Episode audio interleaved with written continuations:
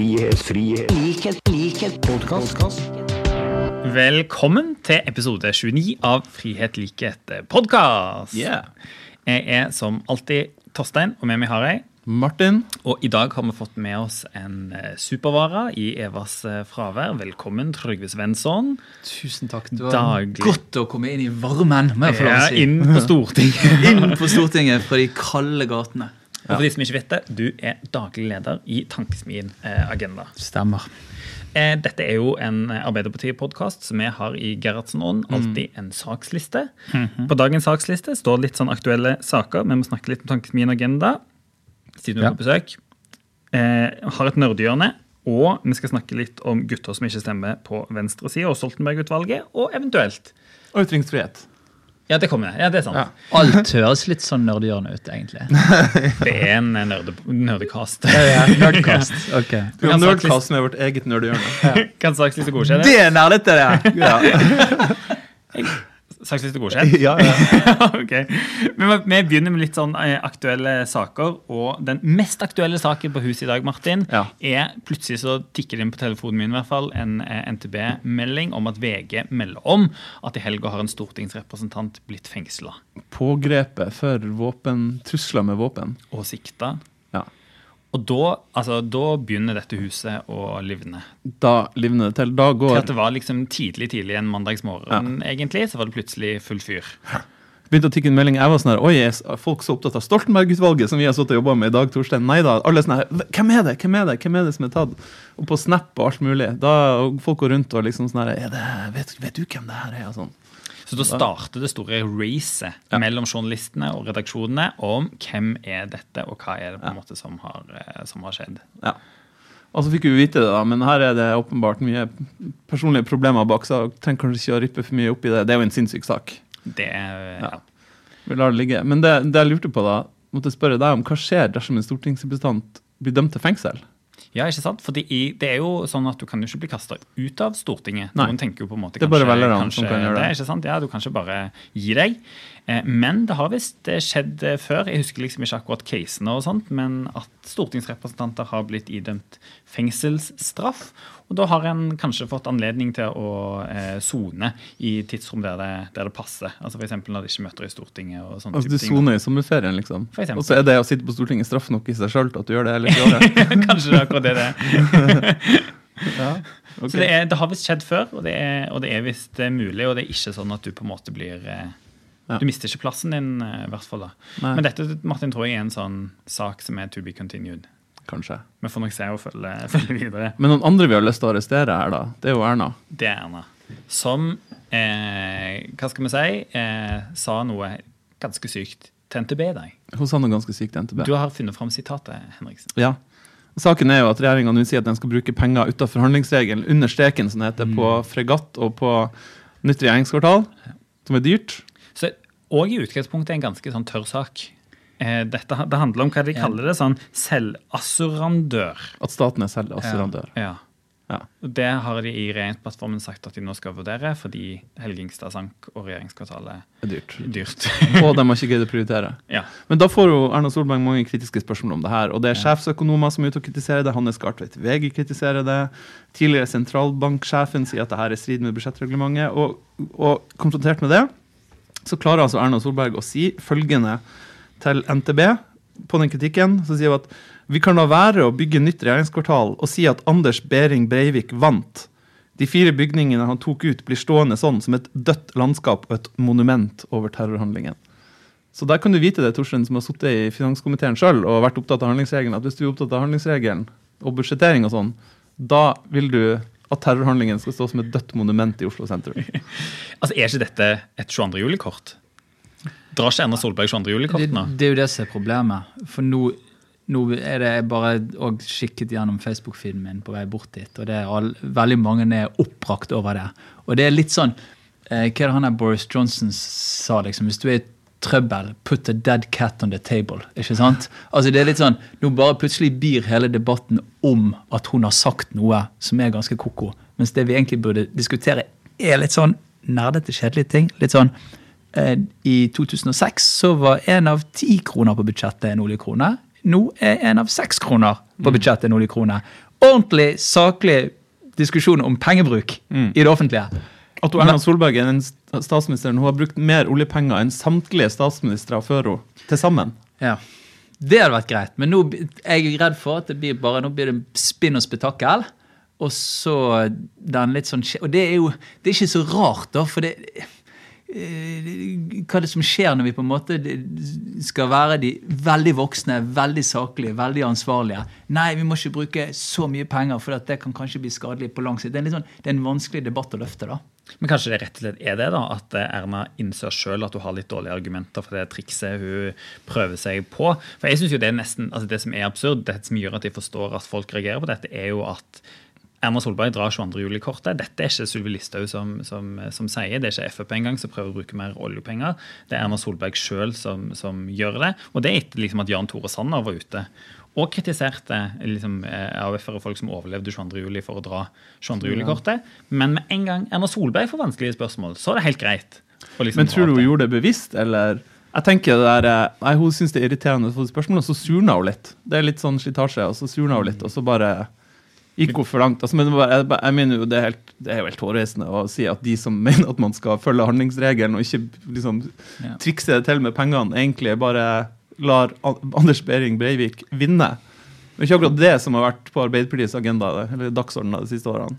Nei, det, det, det, blir, det blir veldig pussig. Og, og, men det, er jo, det må jo ha med å gjøre at ok, enten får du en diskusjon om eh, vi gir kjempestore skattekutt, og samtidig så pøser vi på med oljepenger inn i økonomien. Og hvordan vil det virke på lang sikt? Jo, det vil si liksom at eller, en eller annen gang i framtiden så er det noen som får en ganske kjip regning. Men det er, det er på en måte Det er ikke en så veldig lett debatt å løfte. Vet jo dere hører, alt om. om. tror jeg hører du klør i fingrene etter å komme på Dagsnytt 18 og få lov til å diskutere liksom, den nerdete delen av, eh, av dette. Ja, men ok. Sånn er det. Men la oss, eh, vi må jo faktisk, det er helt riktig det, vi må jo egentlig også gå inn i det nerdete. For dette, altså jeg mener jo at dette, dette handler om prioriteringer. Og det store spørsmålet om Høyre rett og slett har forlatt det å være et trygt styringsparti som er opptatt av på en måte økonomien, handlingsregelen og de der eh, ja, grunnleggende budsjettreglene, som nå prøver seg på nok en sånn finte i budsjettpolitikken for å det. Altså, det har i hvert fall vært et sånn veldig vanlig talepunkt fra høyresiden at de er veldig ansvarlige. Det Altså, kjenner det- vi fra mange land. Den sant? debatten om prioriteringer, at nå må vi prioritere, vi skal ha bærekraftig velferdssamfunn, som de sier, og jeg kan ikke bruke for mye penger over statsbudsjettene. Det er jo en debatt Høyre løfter med jevne mellomrom. Ja, og det Og når de da ikke følger uten- opp sjøl, Det handler jo nesten uten unntak da om at derfor så må det bli litt vanskelig å være sykemeldt, eller det er derfor det litt vanskelig å bli arbeidsledig, eller på en eller annen måte. Derfor har ikke vi råd til skolemat. Det, det, det går alltid inn i en sånn diskusjon om hvor bra velferd vi skal ha, da. Som er pussig også hvis du ser på de lange linjene. For jeg mener, det er jo ikke sånn at vi, vi var rike i Norge, og så laget vi et velferdssamfunn. Det er jo omvendt. Først laget vi velferdssamfunn stein for stein, og så ber vi verdens rikeste og mest vellykkede økonomi av det velferdssamfunnet. Så ikke bra. Ikke bra i det hele tatt. Jeg, må, jeg håper veldig at Erna taper denne debatten. Det virker som man gjør det allerede. Altså Når det kommer så dårlige argumenter og blir så sur så tidlig, så har du egentlig tapt. Ja.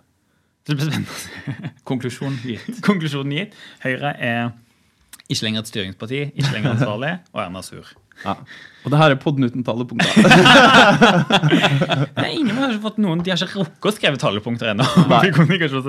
Vi kan sende det til dem. Ja, sånn er det. Vi kunne jo selvfølgelig også ha snakket om at eh, regjeringen har fått seg en egen eh, sexrådgiver i den nye Må utviklingsministeren. Nei, Må vi vi skal snakke om noe som er enda mer sexy. Tankesmien Agenda, Trygve. Oi, oi, oi, oi. Nå har du fått lov til å eh, lede dette fantastiske eh, reisverket i, i eh, noen måneder. Mm. fortell litt både om hvordan det har vært, og liksom, hva, hva er din plan med en sånn tankesmie? Det er, det er en utrolig morsom jobb, selvfølgelig. Det er masse flinke folk som både er liksom skikkelig flaggfolk, skikkelig de liker sånn nerding eh, som vi snakker om, og så samtidig er de opptatt av hva som skjer denne uken eller denne dagen i politikken. Og akkurat i det krysningsfeltet der er det, er det deilig å jobbe, kan jeg si. Ja, rett og slett. For jeg har jo både jobbet i politikk, som dere vet, og så har jeg også vært i akademia, og dette er et slags sted midt imellom. En, en sånn herlig blanding, rett og slett. Det er en herlig blanding. Vi, I dag vi, eh, vi, gikk vi en halvtime over tiden på morgenmøtet fordi vi hadde en diskusjon om den siste rapporten fra Frischsenteret. Så vi gjør sånne ting, Og så prøver vi òg å være litt sånn kjapt ute. F.eks. når KrF skulle ta veivalget sitt i høst, så var vi, prøvde vi å være med og delta i den debatten og mene og komme med argumenter. Og, Ja. ja, for Noen har jo på en måte sagt at Agenda aller, har på en måte nå feila i sitt prosjekt, med at en liksom skulle klare å få KrF med, med seg over, og liksom at det var noe av utgangspunktet Ja. for at en starta en sånn sentrums-venstre-greie. Men du er vel kanskje ikke enig? jeg jeg syns det hadde vært veldig sånn skummelt. Jeg, hvis no, si hvis eh, Knut Arild Hareide, som da la sin egen politiske karriere på bordet og gjorde absolutt alt og var på en måte ja, faktisk eh, gikk av som leder Hvis det, hvis det, hvis det skulle på en måte Hvis det skulle kulminert med å ja, eh, den ene tankesmien eller den andre tankesmien vant, det hadde vært, ja, det synes jeg hadde vært litt sånn eh, dystert for demokratiet, rett og slett. Jeg mener, hele, hele på, Det som var morsomt med det som skjedde i høst, selv om jeg eh, tror det var et dårlig valg for KrF, eh, det er jo at plutselig så var hele den politiske samtalen flyttet til eh, samfunnshus eh, rundt omkring i landet, og vi, folk skjønte at ok, her er det faktisk eh, det, det, det er valg som gjøres rundt omkring i det ganske land, som, eh, som kommer til å avgjøre hvem som skal bli sittende i regjering. Det var liksom det vakre. Altså, du har makt som medlem i et lite lokallag i Agder KrF, liksom. Rett og slett. Det er fint. Men på en måte da, da når KrF-veivalget ligger bak oss rett og slett Ja. har blitt historie, hvor er da liksom Agenda sin rolle videre? Har dere, altså, er dere gitt opp å sende invitasjoner til KrF? Nei, nei, selvfølgelig ikke. Vi, er, det, og det er jo fordi at eh, vi kan jo jobbe på lang sikt. Altså, det er jo det som er fordelen da, med å være en tankesmie. Du kan ta tak i noen ting som skjer her i dag og i morgen, og så kan du tenke på hva som bør skje på lang sikt. eh, Enten det liksom er globale megatrender som treffer oss som samfunn, eller hvordan eh, den beste politikken i Norge kan utvikles. Og er eh, jeg mener fremdeles at det er i krysningsfeltet mellom eh, sentrum og venstre. Så nå har KrF tatt sitt veivalg for denne gang, men vi skal selvfølgelig, altså vi blir jo bedre av å snakke med alle. Ja. Eh, Hvilke saker er det da som ligger liksom på, på blokka nå framover, hvis du vil lekke litt ifra? Mm, det er, vi skal jobbe en del med EØS framover. For det er viktig for norsk økonomi, for fagbevegelsen, for hva type arbeidsliv vi skal ha i dette landet. Det støtter vi veldig. Vi har Ja. begynt å skrape i det her i poden òg. Vi skal skrape mer. Nei, det, der skal du skrape Der kan du skrape lenge, for å si det sånn. Det er mange lag. Men det, det er, en, er jo en utrolig Egentlig håper jeg at det blir en litt sånn diskusjon inn mot lokalvalget. Fordi det vi vet, selv om det er, altså selv om det EØS er stor og komplisert, og sånn, så vet vi noen ting. Og vi vet f.eks. at noen steder i landet så har de innført, f.eks. i Telemark, Oslo-modellen, der har de innført ganske strenge krav når det offentlige skal gjøre innkjøp. Og det har mye å si for den, spesielt den bransjen som er blitt aller mest utsatt eh, under EØS-avtalen. Og det blir bekreftet av denne Frisch-rapporten som kom for en uke siden, som mange har snakket om òg. Så eh, det burde være en stor valgkampsak, rett og slett. Det er Bor jeg i en kommune som sørger for at hvis noen skal bygge noe her, så blir det ikke sosial dumping, det blir ikke folk som går og jobber for luselønn. Eh, hvem er det som dør på norske arbeidsplasser? Det er jo eh, en uforholdsmessig stor grad av eh, arbeidsinnvandrere fra Øst-Europa. Alt det der, det er liksom en del av det norske arbeidslivet som ikke har gått i riktig retning. Og så ser du de stedene der de faktisk tar ordentlige politiske grep, sånn som i Telemark, sånn som i Skien. Eh, Rogaland. Rogaland altså det, Greien er jo nå at det, det er litt sånn vanskelig å vite hva du skal kalle den modellen. Sånn? Ja, ja. Telemarksmodellen, Oslo-modellen, eh, du sier Rogalandsmodellen. ikke Ja, det er det vi sier, i hvert fall. Ja, ja. Kanskje vi skal bare kalle det for den norske modellen? Det er jo det det er. Det er jo egentlig det det handler om. Eh, Og det er så og det, men det fine med det Telemarkseksempelet er at der ser du resultatene. For der har de holdt på i fire år. Nå er det liksom Folk strømmer tilbake til byggfag. De har lyst til å ta byggfag. De leverer gode prosjekter på prisen. Og de har lærlinger fra masse ulike fag eh, inne på, på arbeidsplassen. Så, det, så liksom, det er egentlig ikke rocket science, men liksom politikk virker på arbeidsliv. Og da må vi begynne å gjøre enda mer av det. Jeg kjente at jeg begynner å glede meg til lokalvalgkamp nå når EØS kommer på dagsordenen. Jo, men jeg tror det her er ekstremt viktig. for En av, jeg tror en av de største farene med debatten om EØS-avtalen er at det fører til en slags sånn politisk apati. Nemlig at man viser, nei, Det er liksom en holdning om at nei, det her kan vi ikke gjøre noe med fordi EØS-avtalen. Ja, ja, ja. Og det har gitt seg utslag med denne fagbevegelsen mange plasser. at uh, nei, man blir så forbanna på det man får inntrykk av at man ikke kan gjøre, at løsninga er å si opp EØS-avtalen. Men som du sier, så er det stort rom der til å faktisk gjøre noe. Og jeg husker han Halvard Bakke, som var leder av sosialdemokrater mot EU i, i 1994. Veldig bra fyr. Han sa bare for noen få år siden at uh, han, han tok et oppgjør med det med at uh, man kaller EØS-avtalen for en husmannskontrakt. At du bare får påført masse som du ikke kan gjøre noe med. Han sa dersom EØS-avtalen er en husmannskontrakt, så er det fordi vi oppfører oss som husmenn. Mm. Eh, At vi ikke har trua på de politiske grepene vi kan gjøre. Så Ja, Og det, det- og det ser en jo at endrer seg egentlig, altså ikke bare i, i den norske debatten, men i hele Europa, da, med at en skal stille mer sånne Mm. krav. Så nå skal vi jo rett og slett innrede dette handlingsrommet. Det er nettopp det. Fra handlingsrom til handling. Ja. Og Det er jo kanskje litt sånn at europeiske politikere, og mange norske òg, også på venstresiden, har vært litt sånn Nei, det kan vi ikke pga. EØS. Det har vært litt sånn det har vært en veldig, veldig bekvemmelighet, og det er ikke bra i lengden. Det er ikke bra for eh, samarbeidet. Eh, så her må, her må, liksom, her må vi nok skru opp eh, nivået noen hakk da, på handling. Du, driver med Vi må også hoppe videre til Mm. en annen litt sånn nerdete sak som du har eh, løfta. Rett og slett din nye vet ikke om jeg får lov til å kalle det kampsak, men at du ønsker en ny ytringsfrihetskommisjon. Altså, jeg føler Alle som har lyst til å bli leder av en tankesmie, må ville ha en kommisjon. Det er liksom sånn Hva er det? Hva jeg virkelig brenner for? En kommisjon. Men det er, jeg gjør faktisk det. Eh, Og jeg har gode grunner til å brenne for det òg, altså. Men du må stille noen gøye spørsmål. Ellers så Hva er det? Ja, hvorfor skal vi ha en kommisjon? Ytringsfrihetskommisjon? Altså, ja. Ja. Er Du- ytringsfriheten i fare? Ja, det er han jo åpenbart. Og det er jo kanskje det viktigste vi har i et eh, liberalt demokrati. Og det er jo eh, sånn sett passende at vi sitter på Stortinget, da. For at eh, den ytringsfrihet var jo eh, nedfelt i grunnloven vår i 1814. Er altså det som var Takk for presiseringen. Men altså det, eh, jeg var allerede liksom i gang med å vekke historikeren i meg. Ja. Og det at det sto der allerede i 1814, det var ganske cutting edge. Det var veldig progressivt. Progressivt. Vi var superprogressive. Tidlig frampå. Og, eh, som, som vi skal være. ikke sant?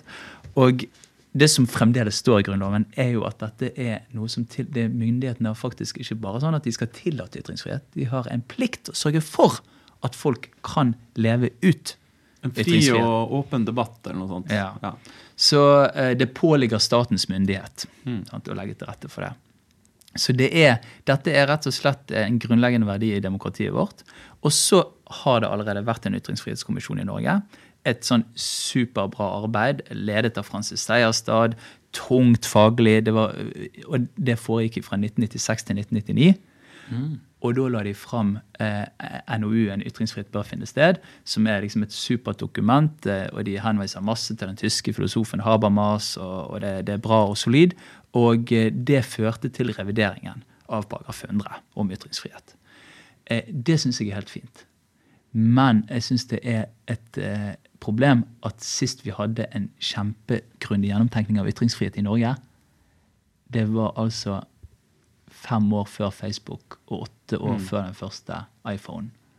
Jeg mener, offentligheten vår har transformert seg så grunnleggende siden 1999 at det er, det er helt åpenbart at du trenger en Så ny Francis. Sejerstedt eh, tok ikke høyde for russiske bots i Det- kommentarfeltet. Jeg tror kanskje ikke det var liksom det som var hans fokus, rett og slett. nei. Men jeg, synes også, jeg tror at det er et veldig godt poeng det der du har med at en trenger en sånn diskusjon ved jevne mellomrom som går skikkelig i dybden på hva ytringsfrihet eh, er. Vi satt litt og snakket om det her nå før. Du nevner liksom Habermas og Mm. den diskusjonen som kom etter andre verdenskrig. Ja, ja. Som jeg tenker liksom tilbake igjen på må ha vært veldig interessant. Jeg husker Og- den, ja. Da snakker vi med Martin Kolberg. Faktisk.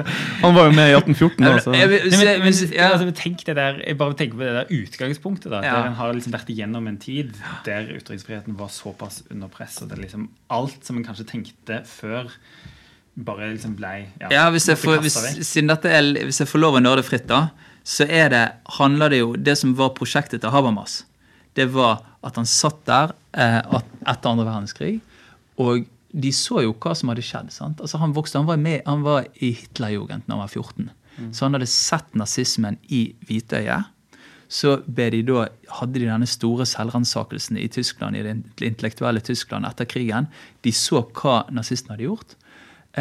Og han var filosof, og han skulle finne ut ok, hva er rasjonalitet.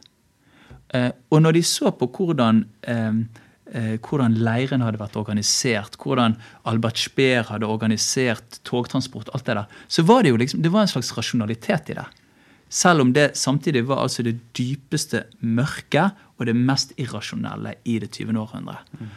Eh, Så hva er det Habermas sier? Vi er nødt til å bygge rasjonalitet på en ny grunn. Dermed så utvikler han hele den store teorien om kommunikativ handling.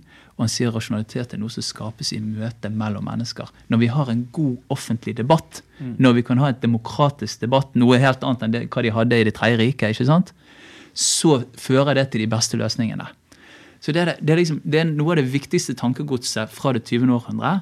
Og det ble faktisk skikkelig sånn bra nedfelt i den forrige ytringskommisjonen. Så det er ingenting med det som er feil. Det er bare det at det får et veldig hardt møte med algoritmebasert offentlig debatt.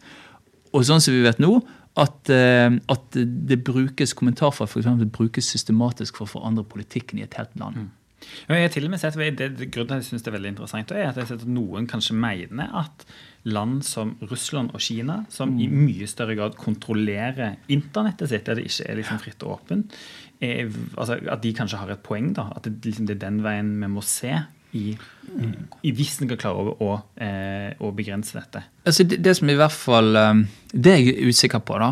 Eh, Men det, jeg, det som i hvert fall er, eh, vi vet, er at det amerikanske senatet bare for noen uker siden fikk en rapport, en liten tung, seriøs rapport av forskere fra Oxford som, så, som kommer med noe ganske oppsiktsvekkende funn når det gjelder russisk påvirkning på den amerikanske politiske debatten. Og da er det snakk om liksom millioner av mennesker som er blitt altså sånn eh, Afroamerikanske velgere som enten er blitt utsatt for sånn, sånn vei, sånn at du, du liksom blir tipset om feil måter å stemme på, eller eh, ganske massiv propaganda for hvorfor du ikke bør stemme i det hele tatt. Altså, det er temmelig, altså, det er dramatisk. Da, da går du på en måte da er du langt under Habermas. altså. Da er det ikke liksom eh, mye herredømmefri råd. Da er det snakk om at noen har en direkte linje inn i livsnerven i demokratiet. Mm. så, ja. Og er ikke vi, vi skal ikke være naive her i Norge heller. Skjer, vi er ikke liksom like høyt på radaren til Russland og Kina, men det skjer i Norge òg. Det siste eksempelet var jo at noen sa at når det var ulvedebatten i Norge, så så man jo en oppblomstring, en sånn økning av f.eks. russiske bots som engasjerte seg i den debatten med å drive opp konfliktene. Og så vi er jo like vi påvirka av algoritmebasert på Facebook, YouTube, som belønnes sinne, Ja. Eh, liksom de ytterliggående standpunktene. Og det påvirker jo åpenbart debatten. Ja, og det, altså, det, det, hovedproblemet med er jo at, at du får en sånn eh, utslitt, eh, moderat, eh, vanlig gjeng i midten, sant? som ikke orker å være med på galskapen. Og det er jo det som egentlig skal, det er jo egentlig der den sunne demokratiske debatten i, i stor grad skal foregå. Eh, og det er derfor jeg tror vi trenger en kommisjon. Da det, Da vil alt helt sikkert løse seg. Du drømmer egentlig om en sånn Svensson-kommisjon? du eh, Ja, skal vi se Nei, jeg tror, jeg, jeg, Det jeg har foreslått, er faktisk eh, kanskje mer en uh, Kierulf-kommisjon. Anine Kjærulf eller noen. Ja, veldig, jeg, eh, som jeg tror kunne vært kjempebra til å lede noe sånt. Og så eh, måtte det vært veldig viktig folk fra overalt i politikken. Folk med mange ulike typer bakgrunner. Eh, og folk som kan teknologi også. Mm. Nei, for Det er det jeg mente med det der Russland og Kina. ikke sant? For Det er jo den diskusjonen vi nå trenger. Hvordan skal vi på en måte eh, håndtere dette og gjøre noe med dette? Så mm, fra podden òg, vi heier på en eh, kommisjon. Du har Ja. overbevist oss. Ja, så det er et frø. Du har satt et frø. Ja. Det har du. Men Martin, vi er ikke ferdig med å nerde helt. Nei. Vi må innom nerdhjørnet.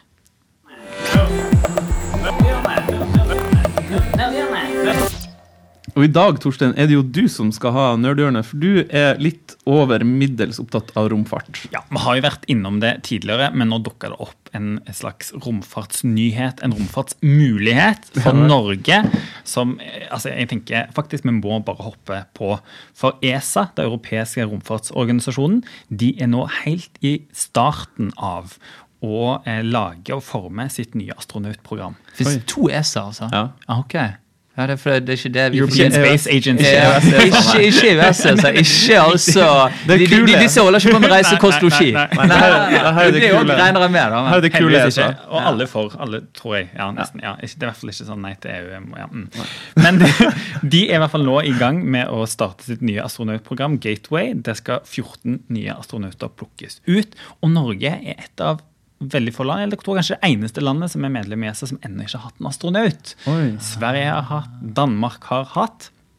Eh, og Norge har jo en litt sånn jordnær tilnærming til romfart. Altså, det handler mye om satellitter og den type ting for norsk næringsliv. Men vi har ennå ikke tatt det som jeg mener er, hadde vært et helt sinnssykt kult skritt å ta. Å sende en nordmann opp i norsk- verdensrommet. Kunne du vært en politiker, liksom? Ja, det er jo tenkt, altså, Kan vi sende noen Per-Willy. Amundsen i rommet? Eller? Jeg tenkte på Torstein. Ja.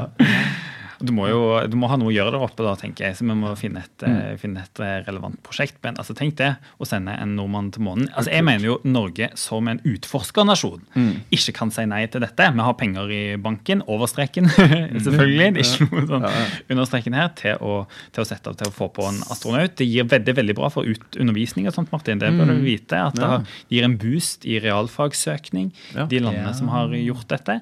I tillegg til at en da kan få forska på mye spennende der oppe. da. Men har vi noen sånne Har vi noen liksom potensielle astronauter? Har vi noen som, som Noen som kunne? Ja. Ja, altså hvis, hvis En forsker Ingen. som er i god form, liksom. Jeg kan. Hvis Du altså- kan, du har tid, Ja. hvis det er aktuelt. Så ja. Men det er det neste norske Roald Amundsen eller Helge Ingstad skal ut i rommet. Det er din drøm. Det er min drøm. Vi, er, vi må fortsette å utforske. Vi kan liksom ikke gi oss med Amundsen. ja, det det er fint. Ingen har f.eks. vært på månens sydpol. Nei. Up for grabs. Ah, Nå var kineserne på skyggesiden. Ja. Vi kan dra på Sydpolen. Sydpolen. Mm. Jeg Gøy. tenker Det er veldig gøy. vi gjør det. Det Men gøy kan, du, du kan du plante et flagg, eller blir det ja, det ja, ja, ja, ja. ja. Og ja, I verdensrommet er det eh, sjøfartsregelverket som gjelder. Så den som eier på månen, er i en viss radius rundt f.eks. Så flaggene. hvis du planter et norsk flagg Så er det, eie så er det en, eier egentlig Norge litt av månen. På samme måte som når Amundsen satte flagget på Sydpolen. ikke sant? Så Ja, ja. fikk Norge noe land det var jo ikke lite der Nei. Vi fikk litt mye, så jeg tenker det er greit å være på månen med et flagg som vi har eh, for en del der oppe når det skal fordeles. Det kan vi komme tilbake igjen til. Ja. Veldig bra nerdehjørne. Men helt på slutten, eh, for å eh, avrunde denne skikkelig nerdete episoden, så må vi òg eh, snakke litt om at altfor få menn stemmer Mm. på venstresida, Trygve. Det, det skal du fikse. Ja, det er vel bare å brette opp armene, det. Ja. Men hvorfor, hvorfor er det sånn, dere som sitter og nerder borti tan tankesmiene og leser rapporter? Du, Det er ikke jeg 100% sikker på, faktisk. Dette er et sånn type spørsmål der jeg eh, hadde lyst til å bare begynne å grave litt i det uten å vite helt hva som var svaret. i andre enden. Det kan jo være litt skummelt av og til, men jeg tror det, jeg tror det er greit. Så det Vi går Jeg og en god kollega som heter Aksel, vi drar liksom rundt og intervjuer litt folk om det. da. Så vi har vært og snakket med noen samfunnsforskere på Institutt for samfunnsforskning som sier For at i det siste så har det vært, det har vært mye sånn debatt sånn Jordan Peterson fyller en messehall. og det, altså Den går veldig fort i biologien, den diskusjonen. da, og at det, liksom, det er akkurat som det er noen sånn biologiske grunner. Men det som du lærer da, er jo at vel, inntil på slutten av 60-tallet så var det flere menn enn kvinner som stemte Arbeiderpartiet, f.eks. Eh, Jeg tror det var stortingsvalget 69 var siste valget der det var flere menn enn kvinner som stemte til venstre. Og det var liksom regnet mer som en sånn maskulin ting da, å drive med. Eh, å, å være på venstresiden i politikken. Og det er egentlig, altså Hvis du tenker på 1. mai og flagg, eh, flagg og faner og hornmusikk og sånn, så er det, det er kanskje ikke så pussig, egentlig. Det er ikke like maskulint med hornmusikk lenger. Nei, kanskje ikke det. Kanskje det er der det ligger? altså, det som jeg faktisk har tenkt litt på, er kanskje at vi skulle gjort noe for å revitalisere 1. mai. For nå er det, det er litt sånn det er litt sånn at 8. mars feirer vi med brask og bram, og jeg er sikker på at det kommer til å bli et utrolig trøkk i år, og det er bra. Det er supert. Eh, alle går i pride, ikke sant? Det er, også, det er jo litt mer sånn tverrpolitisk. Ikke det- alle hashtag Ropstad. ikke alle, men i hvert fall Nesten alle, fra Arbeiderpartiet går i, Ja. i pride, for å si det sånn. Eh, 1. mai er kanskje litt mer sånn pliktløp. Eh, så der, Jeg vet ikke om det er det, jeg, jeg tviler på at det er løsningen på liksom en strukturell utvikling som har gått over 40 år. altså. Men, um, men du, har, altså, du har noen ting som eh, Jeg tror kanskje svaret er litt sånn komplekst, men at det befinner seg i At det har- litt med identitet å gjøre, litt med hvordan vi snakker å gjøre. Eh, at det har med hvordan eh, jobben har flyttet seg. At det er mange ulike ting. Men jeg er overhodet ikke i mål. Jeg, Nei, det er jo, altså, Noen har jo også pekt på det tenker jeg jo litt på, at eh, venstresida har blitt liksom offentlig sektor-sida. at vi som de som på en måte, hva skal jeg si, skapte velferdsstaten, har drevet, snakka veldig mye om, hatt veldig mye politikk for utvikling av velferdsstaten. Og der er det jo flere kvinner som, eh, som jobber, og at vi derfor har på en måte kanskje vært ekstra opptatt av velferdsstaten og både skolepolitikk og sykehjem og sykehus. liksom og ja. de, de eh, politiske saksområdene som kanskje kvinner i større grad har vært opptatt av? Er det det at vi rett og slett ikke er flinke nok til å snakke f.eks. om eh, industri og Økonomisk prioritering, ja. bompenger? Sånne ting. Ja, jeg vet ikke.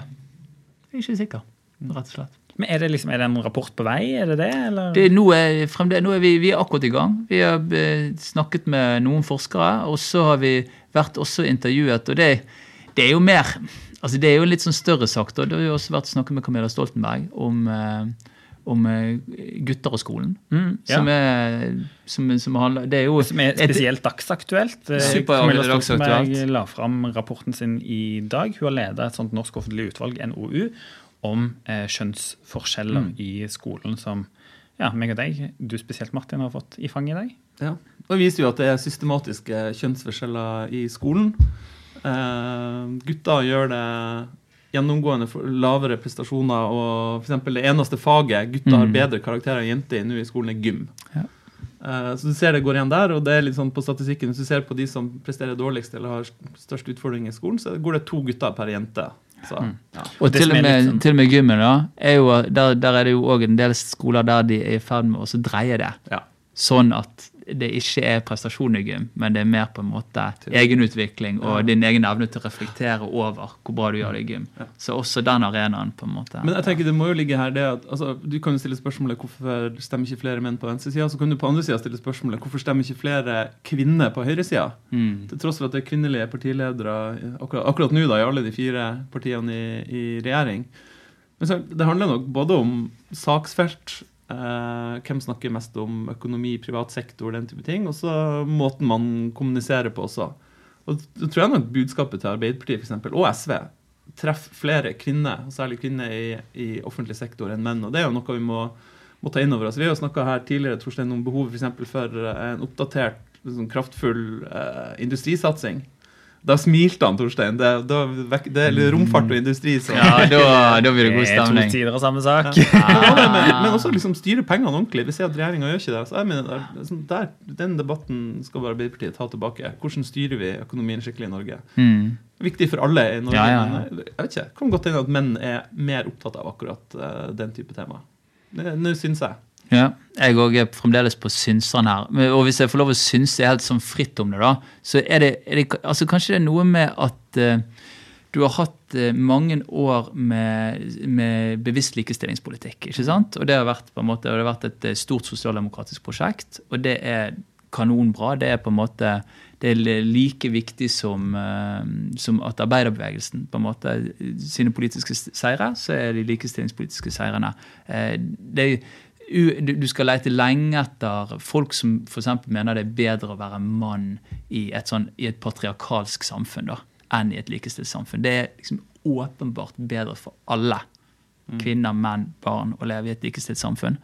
Eh, Det som, det som jeg har liksom gått og tenkt på, er at nesten hver uke når jeg leser avisen, så er det historier om, eh, historier om hvordan damer skal opp og fram. Bør opp og fram. Helt tipp topp. Eh, Flere damer, er- Og vi vet jo det. Det er fremdeles for få kvinnelige ledere. Eh, Økonomisk så er det skjevfordeling. Altså på mange parametere så er ikke likestillingskampen i mål i det hele tatt. Eh, Men det kanskje er sånn Kanskje det er litt få saker, eller liksom vanskelig å se for meg saker om hva det vil si å være mann i det 21. århundre. da. En på en måte sånn positiv eh, positiv eh, maskulinitet i en eller annen forstand. Og det er en, jeg vet ikke, det, det føles ikke utrolig macho å snakke om det, kan jeg bare si. Det føles litt sånn nå skal vi møtes og klemme. Og, og, men men altså, kanskje vi må våge å ta den eh, praten, da, eller et eller annet. Altså, jeg satt jo i eh, mannspanelet som Ja. den rød-grønne regjeringa satte ned. Og da var det veldig mange, for det første veldig mange artige reaksjoner på at det var bare gutter som skulle sitte, og menn som skulle sitte og diskutere likestilling. Og de som var surest på det, var andre menn. Og Ja. Alex Rosén sa at det her var en gjeng pinglegutter med homoverdier som skulle sitte og diskutere likestilling og sånn. Det var en interessant reaksjon at når menn skulle diskutere likestilling, så ble det sett på som noe liksom mindreverdig. Litt femi, liksom. Ja, femi og, Ja. og mindreverdig. Men jeg tror nok det er et poeng med at, at det er nok en god del menn som føler at de er litt fremmedgjort fra debatten. Ja. Ikke kjenner seg igjen. Hva er maskulinitet? Eh, er det liksom plass til meg og mine verdier i, i dagens Norge? Og Arbeiderpartiet er liksom opp, og Mm. venstresida er opptatt av å løfte kvinner og ikke menn. Og sånn. Og så ser vi at likestillinga er i ferd med å endre seg. Det at det er så stor overvekt av kvinner som tar høyere utdanning, eksempel, Mm. kommer jo til å endre strukturene i arbeidslivet i Norge. Ja, for det som er, Hvis du bare ser på tallene, så er det noen tall som gjør at du bør tenke ok, men nå må vi kanskje ta tak i, i manneproblemer, eller hva vi skal kalle det. da. Men ta, ta til orde for et nytt utvalg. Et nytt mannsrolleutvalg. Ikke Det bare kommisjon, men også nei, Og det hadde, siste hadde vi liksom på slutten av 80-tallet. Begynnelsen av 90-tallet. ja, ja, ja. Men jeg, husker sånn bilder av Jens Stoltenberg i Mm. singlet som løfter eh, vekter. og Han er sånn. ikke så glad for de bildene. Nei, men det er i hvert fall eh, Altså, det, det er i hvert fall det er i hvert fall noe som bør reises politisk. Altså Bare ta noe sånn som at eh, menn som blir 45 i Norge i dag, så er det 25 som ikke har barn. Tilsvarende tall for kvinner er 12% Det bør altså si at det er en ganske stor gruppe menn som er barnløse. og som, det, Vi har ikke noen sånn grunn til å tro at det er fordi at de bare liksom ikke er ferdig med å feste. Ikke sant? Det er, det er et reelt tall som viser at det kanskje er en del folk som faller utenfor. Det er litt sånn, det er litt sånn sårt nesten å snakke om det. og hvordan, hvordan skal du fikse det politisk? Det er ikke jeg sikker på, men det er i hvert fall, det er i hvert fall noen sånne trender. og menn, altså På selvmord, på fengsel, på vold. Masse sånne statistikker der menn kommer litt dårlig ut av det. Og nå sist, dette med skole. altså Det, det som gjorde mest inntrykk på meg med Camilla Stoltenberg-rapporten, er jo dette med at ok, hvis du er jente og kommer fra et hjem der du blir fulgt bra opp med skolearbeidet, og så tar du i samme klasse en gutt som kommer fra et hjem der de ikke har de ressursene, så har du altså 105, jentene har 159 ganger så stor sjanse for å lykkes. Ja. Og da, det er liksom, det er temmelig serious shit for fellesskolen. altså. Men akkurat det her har vi visst om i flere år, uten at det har ført til liksom en voldsom, voldsom raseri og oppbrakthet, Ja. som det burde gjøre. Så nå har vi fått en rapport, Martin. Så nå får vi bare fikse det. da. Prøve å få med oss denne Vi har allerede, vi har, vi har allerede tatt fram ti tiltak som vi mener bør gjennomføres ganske raskt for å Ja. løfte guttene i skolen. Men guttene gutta, nå satt vi her og synsa og koste oss og alt det der, så tiden fløy. Men dessverre ferdig for i dag. Var det noe på eventuelt? Lytt, lik og del. Litt lik eh, og del. Og så ses vi plutselig igjen. Ha det. Hei da. Hei da.